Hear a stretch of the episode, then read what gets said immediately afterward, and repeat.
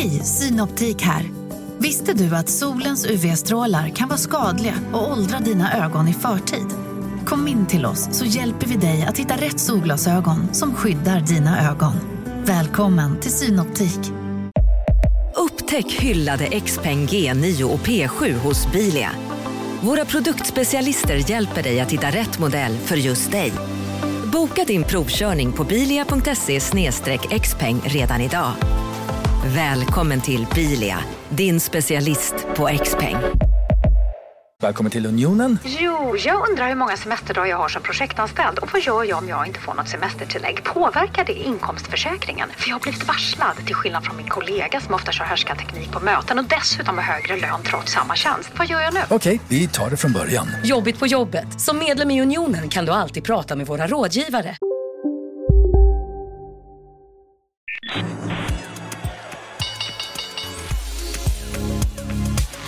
Här är Affärsvärlden Magasin med Helene Rådstein. Hallå och hjärtligt välkomna till podden Affärsvärlden Magasin där vi varje måndag fördjupar oss i affärsvärldens journalistik. Jag heter Helene Rådstein och jag är reporter på Affärsvärlden. Och eh, alldeles strax så ska vi ringa på här hos Plaids vd Babak Esfahani för att se hur smart belysning han har hemma hos sig egentligen. Plaid eh, är listat på Spotlight och de utvecklar tekniska produkter och tjänster inom belysning och hemautomation och eh, exempelvis via dimmers, controllers och trådlösa ljussystem som kan styras då via en mobilapp. Och detta är en snabbt växande nisch i takt med att allt fler apparater då blir uppkopplade. Plaid har också varit en älskling på börsen och inte minst bland småsparare som till exempel har gjort egna låtar för Plaids räkning. Så det ska bli väldigt kul. Jag tycker, häng med in här.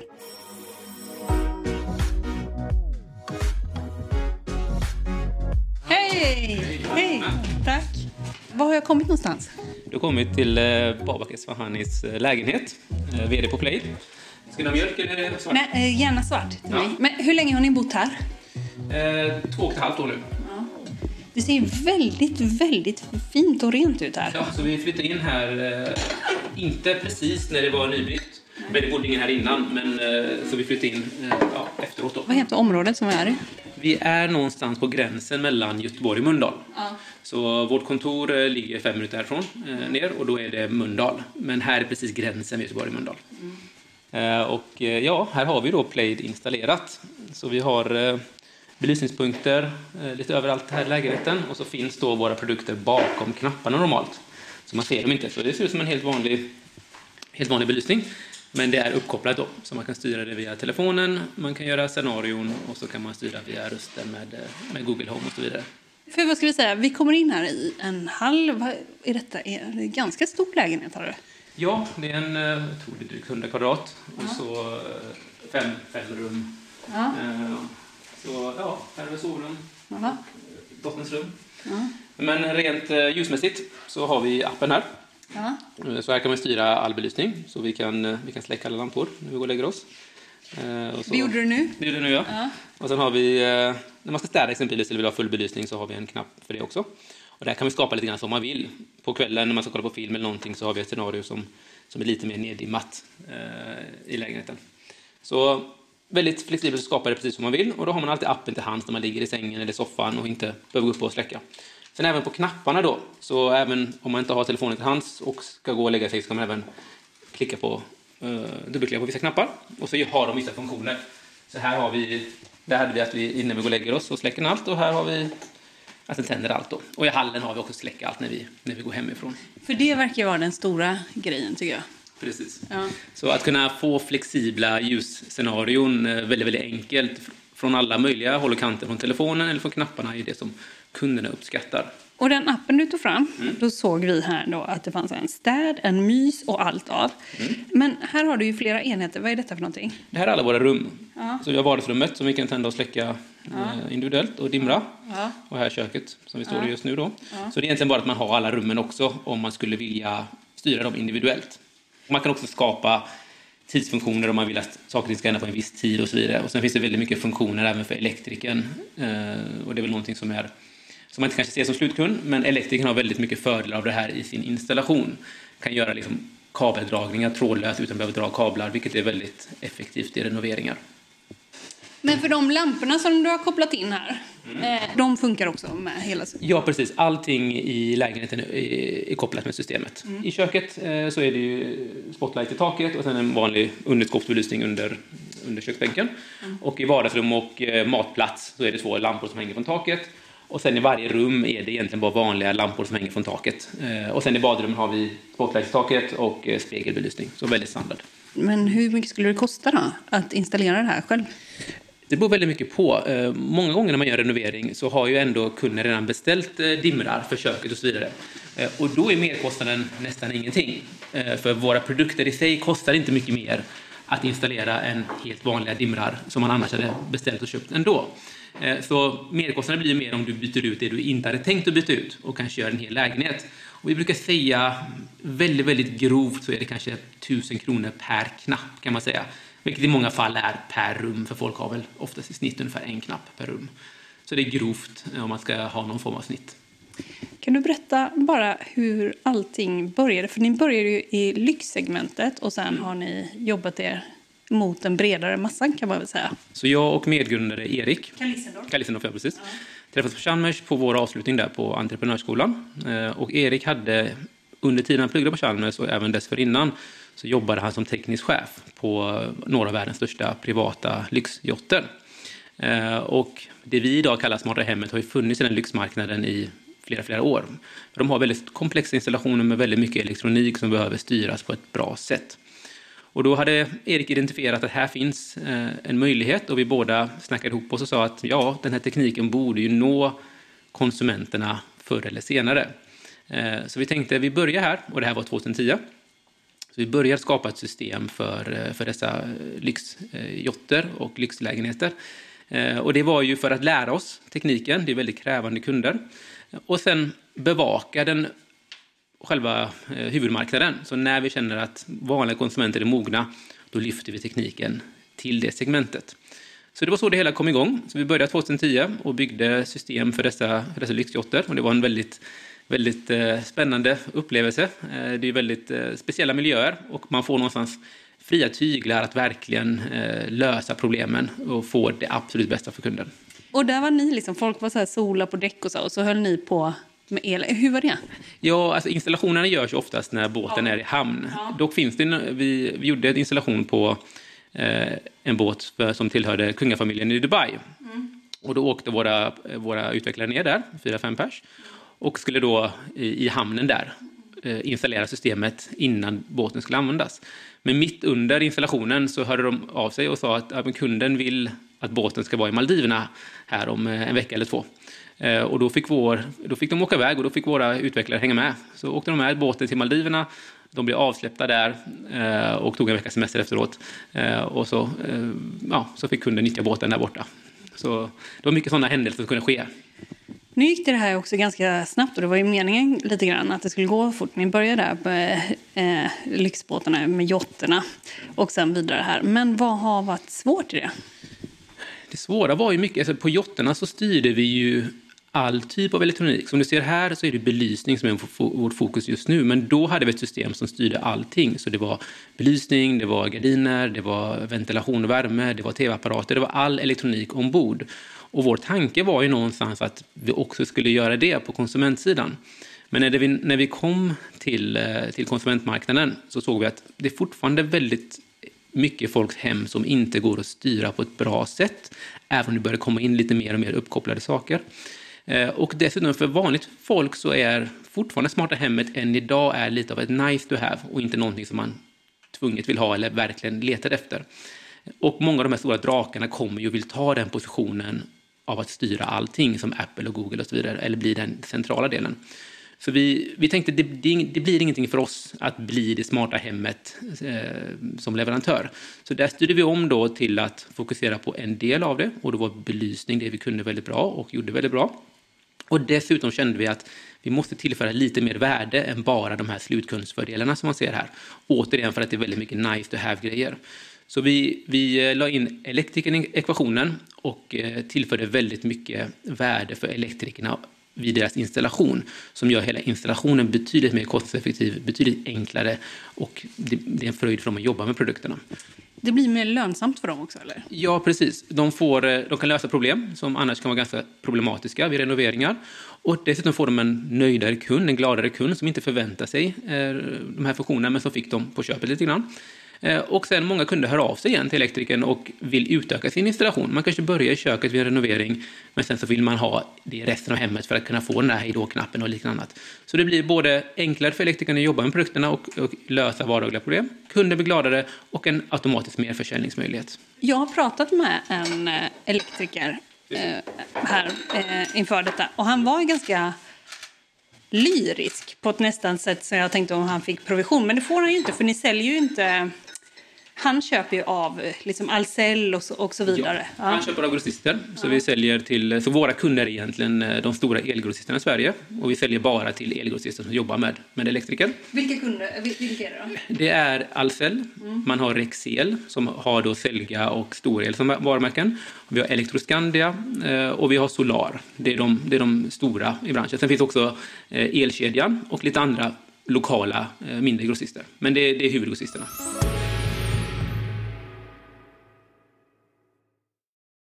Marknaden sponsras av SPP, pensionsbolaget. Eh, förra gången pratade vi lite om ITP. Och som en kort repetition så, så var det ju 70-tal, arbetsmarknadens parter bestämde att alla tjänstemän ska ha en tjänstepension. Man kom överens om vilka villkor som ska gälla i den här pensionen och så kallade man den för ITP. Så jobbar man idag som tjänsteman i ett företag med kollektivavtal, då har man förmodligen den här pensionen, ITP-pensionen. Eh, och det är ju så att man kan påverka eh, den här pensionen, hur den är placerad. Vart femte år så gör nämligen Collectum, som de heter, en enorm upphandling där olika pensionsbolag kan ansöka om att få förvalta eh, de här pensionerna. Och SPP är ett av bolagen som valdes ut i den senaste upphandlingen. Och sen kan du som pensionssparare välja eh, vilket av de här olika pensionsbolagen som, som då ska få ta hand om dina pengar. Och tanken med den här upphandlingen det är ju att liksom kvalitetssäkra de här olika alternativen eh, men också att förhandla fram stora rabatter så att pensionsspararna ska få ja, kunna spara pengar genom att avgifterna eh, som är så viktiga eh, blir eh, lägre. Och vill man välja någonting i ITP-systemet då finns det en relativt ny sajt som heter avtalat.se. Ehm, där kan man gå in och se hur sin ITP-pension är placerad. Jag gjorde det häromdagen faktiskt. Ehm, idén är att hälften av pengarna alltid ligger i något som kallas för traditionell försäkring. Det här gjorde vi ett avsnitt om i podden Kapitalet nyligen eh, som vi kallade världens bästa sparform. kan man lyssna på om man är intresserad. Eh, den andra halvan eh, den kan man också lägga i en traditionell försäkring eller så kan man placera det i något som kallas för fondförsäkring. Eh, SPP som sagt eh, var ju ett av de fåtal bolagen som valdes ut i den senaste upphandlingen och de finns med som alternativ både med en traditionell försäkring och med eh, fonder. Så det var en liten bakgrund till ITP-systemet. Vill man läsa mer om det här eller typ kolla hur ITP-pensionen är placerad, eh, kanske göra förändringar, då går man in på avtalat.se men tack säger jag till SPP som vill göra oss människor mer medvetna om hur enormt viktig pensionen är för oss som en framtida lön, men också som en positiv kraft i samhället eh, och förstås för att ni möjliggör eh, den här podden Marknaden. Du lyssnar på Affärsvärlden Magasin med Helene Rådstein.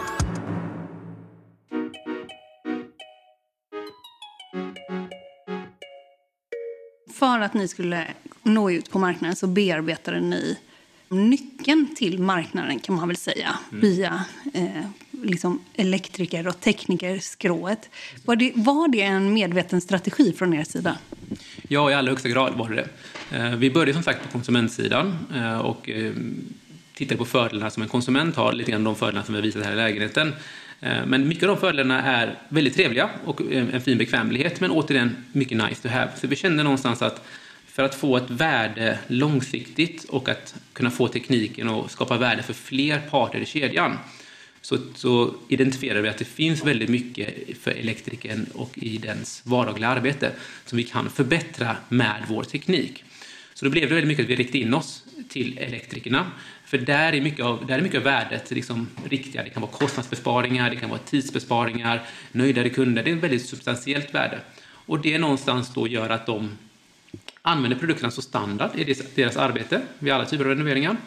Eh, och det gör att produkterna kommer in i folks hem och de får upp ögonen för möjligheterna och så förde den loopen eh, sig själv då att, att fler och fler vill ha det. Det var på Elfack eller som ni började sälja in till dem från början, den el, liksom elmässan 2015. Eller hur började ni från början där? Så vi visade produkterna på Elfack som är, eh, jag tror, Nordens största eh, fackmässa som går av stapeln i Göteborg vartannat år. Så vi började 2015 eh, och visade produkterna där innan de var helt färdiga då, för det var ju prototyper. Jag läste någonstans att du var försenad dit. Ja, vi har varit försenade ganska många gånger därefter också. Man är ju väldigt naiv i produktutveckling i början i ett teknikbolag och svårt att identifiera hur lång tid allting tar. Mm. Så när vi kom dit då hade vi inga förväntningar heller. Vi, många sa ju att det kommer vara en väldigt konservativ bransch. Det kommer vara väldigt svårt för dem att anamma ny teknik. Vi hade inga förväntningar alls på den eh, mässan. Men när vi ställde ut produkten där fick vi ett fantastiskt gehör. Jättemånga glada elektriker som tyckte det var mässans höjdpunkt. Eh, och, eh, Varför? Jag tror att de, de såg nog all energi vi hade lagt på fördelarna för dem. De såg att allting vi hade gjort var väldigt mycket att vi förstod deras behov och hur, hur enkelt vi hade löst de problemen. Jag tror det var det i grund och botten som, eh, som, som, som fångade deras intresse. Att det var en tillverkare här som verkligen brydde sig och verkligen gjorde eh, produkten riktat mot dem. Väldigt många andra som håller på med den här typen av produkter riktade ofta kanske till slutkunden. Eh, men här var det en part som hade verkligen fokuserat och lagt energi på elektriker. För när jag pratade med en elektriker så sa han att Eh, jo, men det är jättebra och han hyllar er och sådär. Men sen så sa han också att det finns ju produkter som vi önskar och Eh, Eh, vi önskar ju att de också skulle ta fram mer konsumentvänliga produkter. Exempelvis styrda eluttag, att sätta till stickproppsanslutna produkter i hemmet. Eh, och eh, alla bitar idag är installationsprodukter som kräver en elektriker. Vilket kan vara liksom en tröskel då för att koppla på så nya saker. Vad säger du om det? Vi, det kommer en sån smart plugg då, inom väldigt kort här. Så väldigt, vad heter det? Den heter egentligen bara Smart Plug. Ja. Eh, det är ju en sån man stoppar in stickproppen och sen kan man ansluta vad man vill till den. Mm. Och det är för att komplettera systemet med golvlampor, fönsterlampor och andra saker man vill, man vill kunna styra. Så mycket riktigt så kommer det fler och fler produkter som, eh, som också har, man skulle kunna installera själv också och komplettera systemet med om man skulle vilja då. Så basen är fortfarande installationsprodukterna för elektrikern, men det kommer en del runt omkring produkter som är kan man säga, lite mer slutkundsfokuserade. Är det viktigt? Ja, det blir väl det någonstans såklart, eh, för att då kan man skapa, skapa det, förståelse för, för systemet på flera olika håll. En slutkund kanske kan börja med en sån smart plug och sen växa in i ett system allt eftersom. Och dessutom så behövs många av de här grejerna för att komplettera systemet eh, så att det blir väldigt bra i, som en totalupplevelse. Den här elektrikern som jag pratade med, han sa också det är ju vi lite som är elektriker som har kommit på hur man kan använda era produkter. Håller du med om det? Jag tror ju någonstans att vi har ju, eh, vi har ju såklart ett antal funktioner i systemet eh, som vi har byggt som, som man kan använda produkterna med. Men jag tror väldigt mycket att såklart elektrikerna som, som jobbar med det vardagligen eh, och stöter på jättemånga fler slutkunder än vad vi gör och också ar- använder produkterna i sitt arbete blir väldigt kreativa eh, och kommer på nya applikationsområden och nya sätt att använda våra produkter hela tiden. Så jag tror absolut att, att det finns en, en väldigt stor del som, som eh, har eh, lärt sig väldigt mycket om våra produkter och hur man ska använda dem. Mm. Och om man då ser till andra marknader som ni har. Ni har gått in i Norge till exempel. Men det, hur, hur går det? Och det går lite trögt i Finland. Varför? I Norge så har vi precis eh, kommit igång och fått en bra, eh, en bra jättestor ökning av installationerna. Och det, det, som gör att i andra länder kan vara lite trögare är att man, man måste först få till produktsortimentet så det är anpassat för den marknaden. För för elektrikerna är det väldigt, eh, det blir väldigt binärt. För, för, att, för att de ska använda en produkt som standard, vilket krävs för att få volym i det, för att man får det vardagliga installationsbeteendet, då krävs det att produkten klarar alla typer av installationer som de stöter på. Så exempelvis i Norge så använder man svarta lampknappar betydligt mer än vad man gör i Sverige. Eh, och det gör att man måste ha den anpassningen i vårt system. För de kommer stöta på kunder med den typen av knappar och om inte produkterna har det så kan de inte använda det vardagligen. Så hur bra än produkterna är så måste man ha det fulla sortimentet. Och det har vi fått till i Norge och där har installationen ökat jättemycket nu under hösten. Och Finland och Holland också, som vi går in i framöver, ligger i den fasen att det behöver kompletteras för att få den, den, den riktiga, av, eh, riktiga kurvan där. Nu pratar vi om Norge, vi har pratat lite om Finland. Eh, vilka, Tyskland liknar också Sverige va? Ja, man kan väl säga väldigt, väldigt grovt så är det ju där nere. Man har ju Nederländerna, man har Belgien, man har Tyskland, man har även Spanien. Eh, så det är många länder som, som har likheter med Sverige. Och det är inte bara likheterna i installation som är viktiga, utan det är även kundbeteenden. Hur många dimrar sätter de? Är det vanligt att de ens bryr sig om belysning? Och eh, man, vi är ju vana här i Norden, men eh, men längre ner mot där det är varmare och mycket soligare, där är inte alltid belysning det första man tänker på. Va, vad gör det med er då? Alltså om, om det, är liksom, det är ganska varmt i många länder i världen, till exempel. man bryr sig inte så jättemycket om det är något eh, höll jag på att säga, jävla lysrör mm. någonstans. Va, va, vad gör det med er verksamhet? Eftersom vi har väldigt mycket av fördelarna på elektrikersidan, de består ju lite grann oberoende av hur, hur slutkunden ser på det. Eh, så installationsfördelarna består. Eh, och i mångt och mycket så är ju våra produkter, det är inte dyrare för, för elektrikerna att använda kontra andra produkter, vilket gör att så länge de uppskattar fördelarna med installationsfördelarna, nöjdare kunder och så vidare, så använder de produkterna lite grann oavsett vad kund, slutkunden eh, tycker och tänker. Eh, men sen då lite beroende på vart landet är i sin utveckling så får man ju se hur den sista biten blir, hur mycket slutkunderna faktiskt eh, bygger ut sitt system och får till hela smarta hem. Men det kommer även på alla andra ställen. Så det är inte bara vad man tycker om belysning, men att kunna bara styra saker i sitt hem som helhet är, växer och det ser man även i andra länder. Tyskland, Spanien och, och dem. Så det är inte bara belysningsdelen men även bara att kunna styra belysningen, att kunna släcka alla lampor och sånt. Det är också ett stort värde eh, än bara själva hur lampan lyser och ser ut. Du lyssnar på Affärsvärlden Magasin med Helene Rådstein. Ni är ett eh, stängt system, ja. Mm. Eh, när man ska använda er. Det finns ingen standard liksom, att plugga in er som till exempel KNX och sådär. Det, finns, det är ju en, någon standardprodukt och så. Ska ni eh, fortsätta på den vägen att inte ha standard och vara liksom egna system? Det där är en, ganska, en relativt komplex fråga faktiskt, som jag tror att många förenklar lite för enkelt och säger att ett system är stängt, ett system är öppet. Ja. Det är inte riktigt så enkelt. Tittar man på, vi har alla ambition att vara öppna för, eh, för, för våra slutbrukare, eh, konsumenterna och eh, ja, kommersiella fastigheterna. Och vi är redan med i Google Home och vi håller på att utveckla Apple HomeKit. Så någonstans redan idag så kan du använda vårt system med i stort sett alla andra uppkopplade prylar som finns som du kan köpa via Google Home då och kommande plattformar. Så slutkunden ser nog vårt system som lika öppet som alla andra system. Sen finns det en annan nivå öppenhet längre ner i, i kedjan, det vill säga när man kommer till kommunikationen mellan produkterna. Mm. Och där är exempelvis KNX är ju ett, eh, ett, ett, standard i vår bransch, det är ingenting för slutkonsumenter, men i vår elektrikerbransch, där ett antal tillverkare gått ihop och skapat en standard så att alla knappar och sånt funkar med varandra. Och så, ja, så är ju det någonstans öppet. Eh, men det är heller fortsatt inte så enkelt, för någonstans skulle jag säga att Konex är i praktiken mycket mer stängt än vad Play är. Och det beror på att om du som kund, slutkund ska få ett KNX-system så är det fortsatt än idag kabelbundet. Eh, så du, du ska ha speciella kablar i hela din fastighet som är bara för KNX. Och dessutom är det väldigt få elektriker som faktiskt kan programmera KNX. Så du, ska ha, du har oftast en part som har programmerat hela systemet. Och så, så och så har du fått systemet klart då. Där... KNX är inte här och kan försvara sig själva. Ah. Nej, precis. Eh, men, och därefter någonstans så ska ju systemet leva i 10-15 år.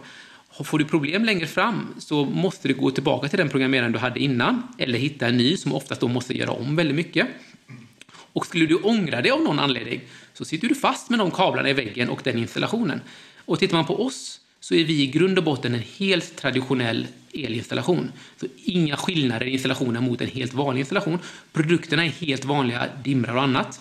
Eh, så det gör att risken för slutkonsumenten är mycket, mycket mindre. Alla elektriker i hela Sverige behärskar systemet. Får du problem så är det jätteenkelt att, eh, att byta ut det. Och skulle du någon gång ångra dig så kan du bara byta mot vad som helst. Du har inte gjort någon annan inverkan på, på det system. Så vad som är öppet och stängt är inte så enkelt som det kanske alltid verkar. Eh, och vi är stängda kommunikativt mellan produkterna och det beror på att vi, vi tror att den vägen, i alla fall hittills, är den bästa vägen att gå för att få bästa upplevelsen och stabilitetssystemet. Men öppna utåt sett mot andra. Ni kommer fortsätta som ni har gjort hittills?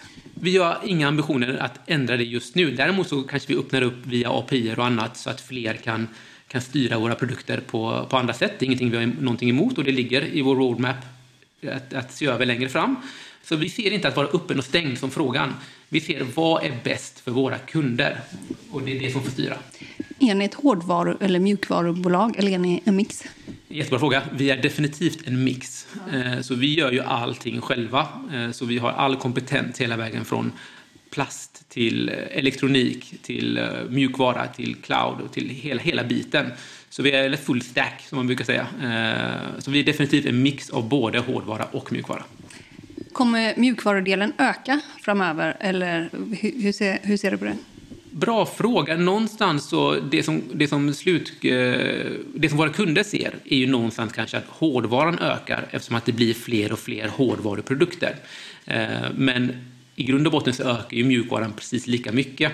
Eh, för det behövs väldigt mycket mer infrastruktur och appen utvecklas med nya funktioner.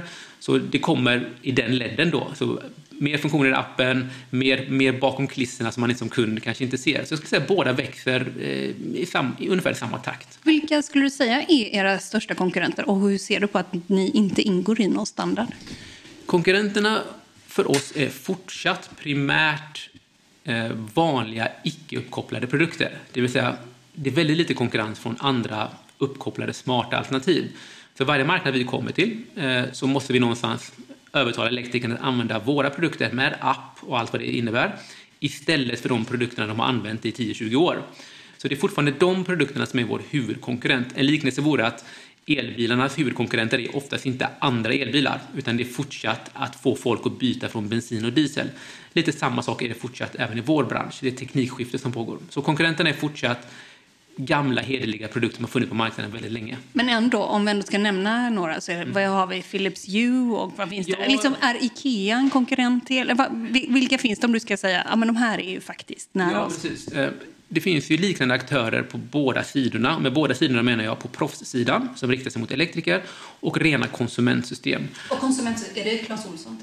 Nej, konsumentsystemen det var egentligen de du nämnde. Philips Hue är ju, Philips Hue är ju störst där, absolut störst.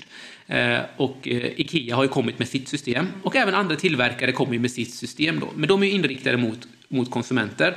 Och de produkterna är ingenting som elektriker använder vid installation. Det finns inga fördelar för elektriker att använda de produkterna vid sin installation.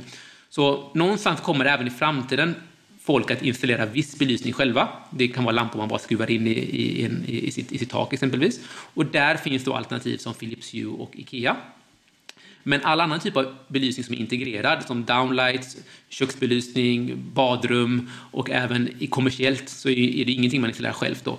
Där är det elektrikerns domän och då använder de våra produkter. Sen i slutet så kan slutkunden sy ihop allting med exempelvis Google Home eller Apple HomeKit. Så säg nu att du har köpt lite Philips Hue-lampor som du har hemma eh, och sen så kommer elektrikern och installerar Plaid hos dig. Så får du allt det att funka ihop via ett sånt ekosystem som vi är med i och som de är med i. Ja, okej, okay. så då funkar? Ja, precis. Och på vår sida, det vill säga på installationssidan, då är konkurrenterna de du egentligen nämnde. Så man har ju Schneider Electric, man har exempelvis ABB, det finns Hager. Det är folk som gör elektronikkomponenter, har gjort elektronikkomponenter under väldigt lång tid eh, och som nu också, likt oss, försöker få det att bli, eh, bli uppkopplat och smart. Vad har ni för nya produkter på gång här nu då? Närmaste hand så har vi egentligen två produkter eh, som är liksom, eh, ligger i närtid som är kommunicerade. Vi har ju Dali som är en produkt som eh, är ämnad för den kommersiella eh, mot en kommer vi, vi är fortfarande hemtunga, om man tycker så. Fortfarande väldigt mycket privatbostäder. Eh, för i, när man kommer till kommersiella fastigheter så använder man annan typ av belysning eh, som styrs av vissa standarder. Och där är Dali en sån standard. Så när vi släpper den produkten så kommer vi kunna göra ett intåg eh, på, för oss, ett ganska nytt segment.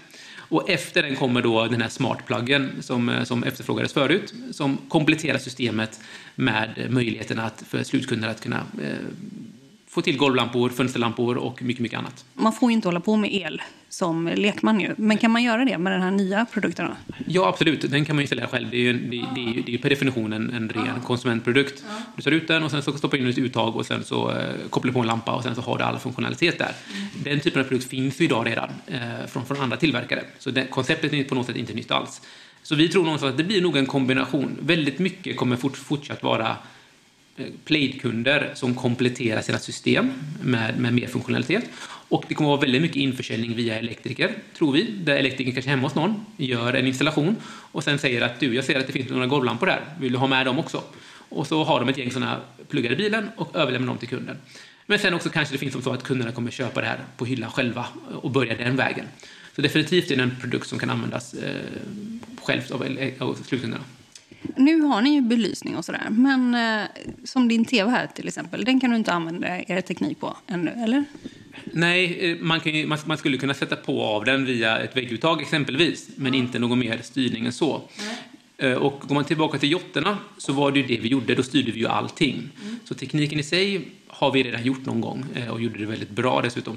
Dock som, som, som vi sa så är det väldigt mycket som inte går att styra här i en miljö lika enkel som, det, som man gjorde på, på jotterna. För där var det väldigt mycket projektbaserat. Där fick man möjlighet att liksom programmera saker och ting eh, betydligt mer omständigt än vad man kan få lov att göra i ett konsumenthem.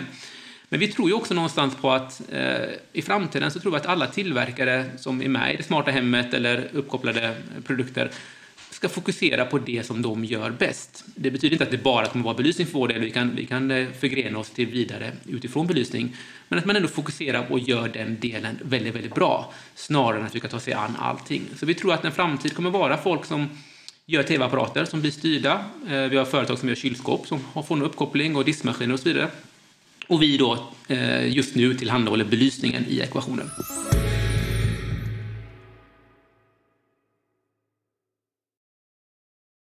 Eh, marknaden sponsras av Karla. Eh, vi pratar ju en hel del om bilar här på kontoret. Karla har ju skapat, skulle jag säga, det som är standarden för hur man idag köper och säljer bilar på nätet. Eh, kort bakgrund bara. Eh, karla säljer och leasar begagnade elbilar eh, och laddhybrider på karla.se. Alltså en helt digital upplevelse. Och man har gjort det här med ett nästan maniskt fokus på vad en bilköpare faktiskt behöver. Jag gjorde ju en intervju med en av grundarna, Patrik Illerstig, i marknaden här eh, ganska nyligen, daterad 25 mars, om man vill lyssna på den. Eh, men där berättar han hur de kom in i det här lite från vänster för att försöka uppfinna hela den här liksom bilköpupplevelsen från början. Och de har idag, vilket är rätt otroligt, 4,8 i betyg eh, på Trustpilot. Jag, jag har sett många företagssidor på Trustpilot, men det här är nog bland eh, det bästa jag någonsin sett faktiskt. Man kan sälja bilen till Karla också. Då går man in på karla.se, delar lite info om bilen, sen får man en gratis värdering och ett bud. De hämtar bilen helt gratis i hela Sverige och så har man pengarna på kontot i samma stund som de hämtar bilen. Det är grymt. Eh, så ska du köpa en ny bil eller sälja din gamla, eller båda delar för den delen, gå in på karla.se och eh, kolla. Alltså karla.se och Karla stavas med C. Tack så mycket till Karla. Du lyssnar på Affärsvärlden Magasin med Helene Rådstein.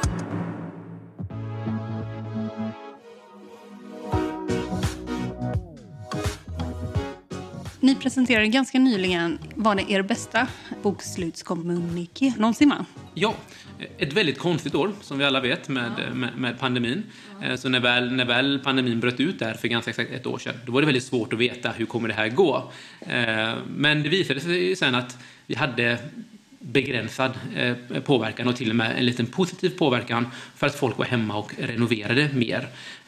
Så året totalt sett blev vårt absolut bästa hittills och även det sista kvartalet då var, var, var i synnerhet ett väldigt starkt kvartal. Intäkterna de ökar 70 procent och er rörelsemarginal landar på 21 procent eller något sånt där. Ja, precis. Så någonstans så eh, har vi nått en punkt där även lönsamheten kommer. Så när vi 20 2019 eh, var fortfarande en väldigt stark ökning av intäkterna, men fortfarande var det inga, ingen lönsamhet i bolaget. Men vi sa där i slutet på 2019, för vi såg det i fjärde kvartalet, att nu kommer lönsamheten och vi kommer kunna fortsätta växa lönsamt. Så 20, 2020 sa vi skulle bli ett lönsamt år, vilket det blev. Så nu, nu har vi en väldigt kraftig tillväxt, men det finns också en väldigt god lönsamhet i botten. Så att kunna växa lönsamt är någonting som vi ser som eh, som det vi kommer göra. Även om prioritet är tillväxt och inte lönsamhet så finns det goda möjligheter att göra det framöver. Mm. Men jag tänker också, för man, om man ska värdera marginalmål och så där, så är det ju lite olika om man är hårdvarubolag eller mjukvarubolag. Mm. Och om vi då ser på marginalen då, som är 21 procent så är det ju liksom mjukvarubolag det är inte jättehögt, men hårdvarubolag då är det ganska högt, eller? Ja, jag skulle nog vilja säga att våra marginaler för att vara någonstans i branschen så, ses vi ju, så, så ser det ut som att vi är ett, ett hårdvarubolag såklart. Ja. Eh, så är våra marginaler väldigt goda. Och det har ett antal faktorer. Eh, första faktorn är ju såklart att vi tillhandahåller väldigt mycket eh, unik teknik som fortfarande har en väldigt stor höjd som man kan ta ett premium för. Och det någonstans ökar, ökar våra marginaler.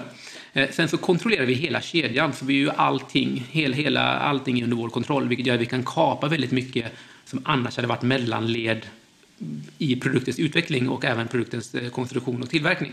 Så även där får vi, får vi tillbaka en hel del marginaler. Och sen också då är vår bransch eh, uppbyggd på ett sätt att det finns goda marginalmöjligheter i, i, den här, i den branschen vi befinner oss i. Så sammantaget så tror jag våra marginaler, eh, när vi väl kommer till nivå där vi kommer eh, vilja optimera för, för lönsamhet eller att lönsamheten kommer komma lite mer naturligt, så kommer våra marginaler vara mycket högre än vad de är idag. Vad är piken? Vi har väl sagt någonstans att rörelsemarginaler runt 20 procent eh, är där vi absolut tror att vi kommer kunna hålla oss långsiktigt och kanske till och med mer än så. Men fokus är inte på det just nu, men vi ser att det finns den underliggande möjligheten där, absolut. Så marginalerna tror jag när, liknar, är närmare ett mjukvarubolag än ett hårdvarubolag beroende på alla de här faktorerna som jag, som jag nämnde. Mm.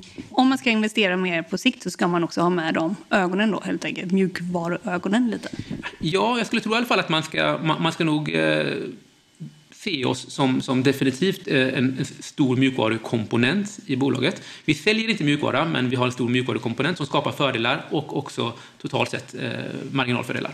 För om man ska förklara då till exempel, om du har installerat ert eh, Plaid-system så ska du till exempel uppdateringen utav det systemet, om du har köpt en gammal produkt som har några år på nacken, så eh, via tekniken så blir det uppdaterat, så kan man säga, eller? Ja, precis. Via appen så ja. kan du uppdatera puckarna. Som en dator, liksom? Som en dator, precis. Är lite grann som du får en update till din, till din telefon, så får du även det till våra produkter och så sköter produkterna det mot, mot systemet. Mm. Så man får, även, man, får, man får även system som blir bättre med tiden. Mm.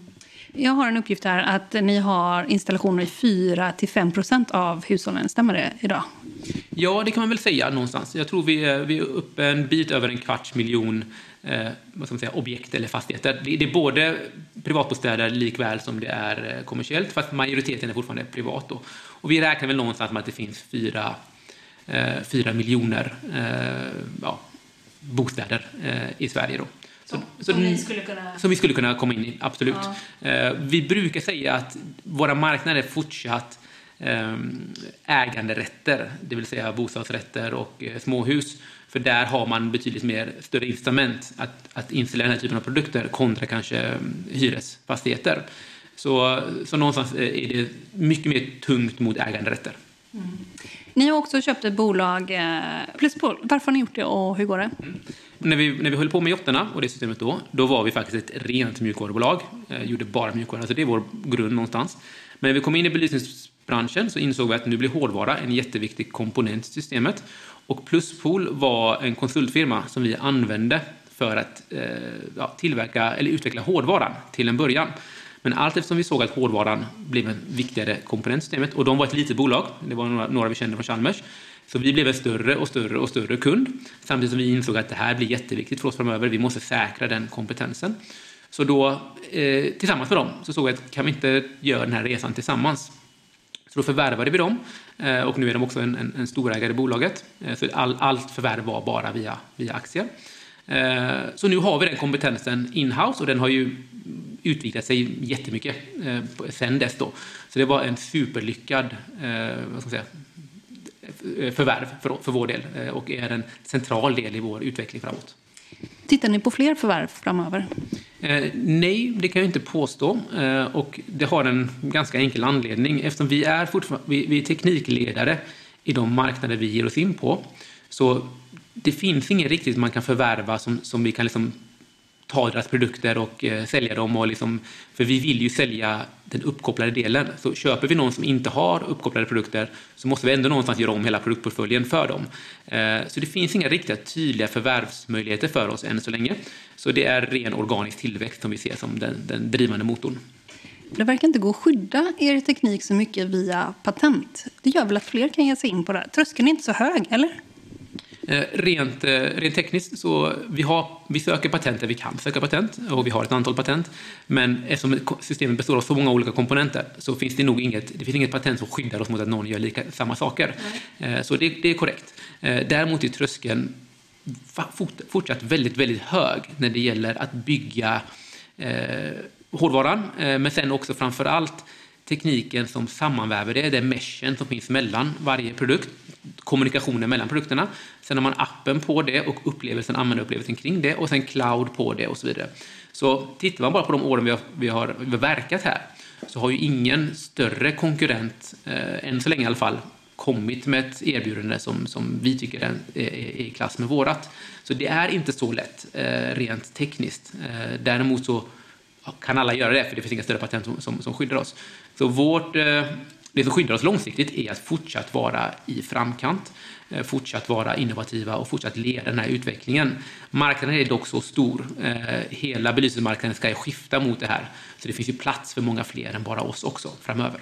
Kursen har ju gått helt otroligt bra. Jag vet inte hur mycket ökade i fjol. Det var 245 jag tror att eh, vid den här tidpunkten förra året så låg kursen runt 60. Ja. Och nu ligger vi ju bortåt 260. Eh, så det är en, eh, och ni kom in på? Vi kom in på 6, 6 kronor, lite drygt. Eh, så det, det, jag, tror vi, jag tror vi passerade 4 000 procent eh, ganska nyligen då med, med den senaste rapporten. Så det har varit en jätte, jättefin utveckling såklart för våra aktieägare, vilket vi är jätteglada över. Och anledningen är såklart att bolaget har någonstans i grund och botten presterat. Eh, och sakta men säkert har folk sett att oj, här finns en väldigt fin tillväxtmöjlighet i en, i en väldigt spännande marknad. Och jag tror också någonstans att väldigt många... någon skulle också kunna säga att ni är dyra nu. Ja, det, det, finns definitivt någon som, som, som, som, som skulle kunna säga det. Ja. Eh, och allting beror väl på långsiktigheten i bolaget. Det, det, är väldigt svårt att bedöma på kort sikt kanske vart bolag, om det är dyrt eller inte dyrt. Eh, det beror på vad man har för långsiktig agenda som, som investerare och vad man tror tillväxten skulle vara på x antal år. Vi, som, eh, vi internt i bolaget kan ju bara se det långsiktigt. Så vi kan, även om vi tycker det är jättekul att kursen är väldigt hög, men för oss så svänger den ju fram och tillbaka under, under åren som går. Men vi försöker få en långsiktig agenda, det enda vi kan styra över. Eh, och få en jättefin utveckling långsiktigt för ägarna. Men att den är hög, det, det, måste ju också vara bra marknadsföringsmässigt. Alltså det gör ju också att folk får upp ögonen. Vi har ju låtar. Har du hört eh, låtarna på Twitter? Absolut har vi hört låtarna på Twitter. Eh, de, de, de spelas friskt i våra, i våra interna kanaler på bolaget. Ja, gör, gör de det? Ja, folk tycker det är jättekul. Eh, och, och eh, det, det är såklart jättekul att folk tycker att bolaget eh, är så spännande att man gör, man gör låtar om det. Eh, jag tror någonstans också att det är produkter som folk kan förstå. Eh, det är enkelt att ta till sig det. Man kan, man kan man kan till och med ha det hemma och kan känna att det, oj, det här var bra produkter. Så det tror jag spinner på att bolaget kan nå ut till en bredare massa privatinvesterare. Eh, och vi tycker det är jättekul att, att det går så långt att det blivit en snackis och att låtarna har kommit. Men kan du recitera någon låt? Jag tror att grunden är ju Ingen hejd på Played. Eh, har ju varit den låten som, jag vet inte om det finns variationer av den. Men eh, Ingen hejd på Played i alla fall är ju den jag, eh, jag främst känner till. Jag kan inte texten tyvärr, eh, men grunden är någonting med att eh, ja, ingen hejd och det betyder att aktien inte har någon hejd. Ingen hejd på Played, ingen hejd, ingen hejd på Played. Fem år framåt, vad har hänt? Fem år framåt så tror jag att vi har eh, betydligt fler produkter än vad vi har idag. Det kommer att vara betydligt mer belysningsrelaterade produkter. Vi kan inte gå in på exakt alla nya produkter som kommer ännu, då vi inte har kommunicerat dem. Och jag tror också att om fem år så ser vi produkter utanför belysning, eh, även andra segment så att säga, eh, än bara belysning. Och jag tror också att vi har ett starkt fäste i Norden och har påbörjat att bli starka även, även i Europa. Typ så. Inte Storbritannien eller? Inte Storbritannien på kartan, för där är el, elinstallationer väldigt annorlunda. De har andra typer av boxar och smala knappar eh, än, än, vad vi har i Sverige. Så det, det är inte så lätt att få puckarna att, passa där. Vad är slutmålet då? Det finns nog inte riktigt något slutmål. Eh, man kan, när man var ung... Men du är väl ung? Eller? Jag är fortfarande någonstans ung. Ja, jag är 38 är jag nu. Ja. Eh, men när vi började någonstans för, för tio år sedan så alla entreprenörer som börjar någonstans tror jag har väl någon form av exit i tanken. Ja. Att man, man bygger ett bolag, sen ska man göra exit. Det var, det var så man tyckte det skulle ja. gå till. Men allt eftersom man, man faktiskt bygger bolaget så ändras den eh, inställningen. I alla fall gjorde den det hos mig. Eh, och man inser någonstans att det fina någonstans är att bygga ett beständigt, långsiktigt bolag. Att kunna tillfälla värde till marknaden och kunna någonstans göra skillnad eh, i, i vilken industri man nu befinner sig i. Eh, och så länge man är ledare, eh, tekniskt sett som vi är i, i vår industri, så får vi väldigt mycket tillbaka genom att på något sätt kunna forma den och kunna få se alla glada kunder som använder våra produkter. Så om det en gång i tiden kanske fanns någon form av, eh, någon form av slutmål eh, som, som, som en eh, ung, ung entreprenör så finns det absolut inte det längre. Så nu handlar det om att bygga ett långsiktigt bolag. Sen vet man inte vad som händer i framtiden, man tycker fortfarande det är lika kul om tio år. Det återstår att se. Men, men, men vi fortsätter att bygga bra produkter, det är det vi brinner för. Vad gör du när du inte jobbar? Ja, jag jobbar väldigt mycket, men utöver det så är det vanligt familjeliv och sen är det träning. Gymmet har varit en, en stor del av mitt liv. Så, Bänkpress? Ja, en, en, en del. Vad tar du i bänkpress? Bänkpress är inte min starka sida. Marklyft ja, är nog min. Ja, marklyft då? Ja, jag, har, jag har maxat på 230 kilo drygt. Eh, ja, det var ett tag sedan nu, men, eh, men eh, det var den grenen jag blev lite stark i. Ja, det låter jättebra. Jag säger tack till dig, Babak Esfahani, VD för Plaid, för att vi fick komma och hälsa på dig i ditt kök. Mm. Och i din lägenhet. Ja. Tack så mycket. Tack så mycket själva. Du har lyssnat på podden Affärsvärlden Magasin med mig, Helene Rothstein, som är reporter på Affärsvärlden. Och idag så har vi varit hemma hos Plaids VD Babak Esfahani mellan Mölndal och Göteborg. På affärsvärlden.se så finns det flera analyser som vi har gjort löpande genom åren vad gäller Plaid. Och eh, det kan vara värt att hålla koll på det eftersom det är en aktie som har riktigt skjutit i höjden. Tack för mig och den här podden är tillbaka nästa eller nästnästa vecka. Håll ut. Hej då!